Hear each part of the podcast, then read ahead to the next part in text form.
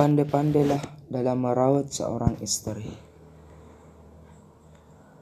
Pandai-pandailah merawat istri oleh karena itu suami harus pandai memelihara dan menjaga istrinya secara lahir batin sehingga bisa menjadi istri ideal, ibu rumah tangga yang baik dan bertanggung jawab.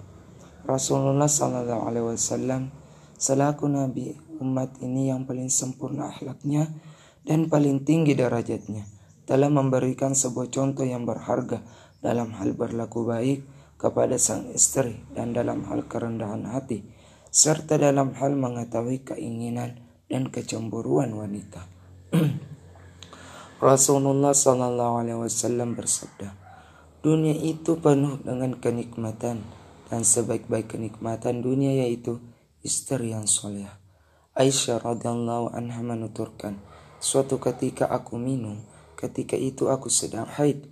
Lantas aku memberikan gelasku kepada Rasulullah dan beliau meminumnya dari mulut gelas tempat aku minum.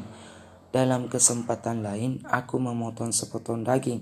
Lantas beliau mengambil potongan daging itu dan memakannya tepat di tempat aku memakannya.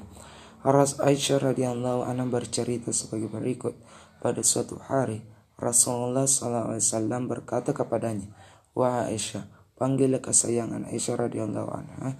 Malaikat Jibril tadi menyampaikan salam buatmu.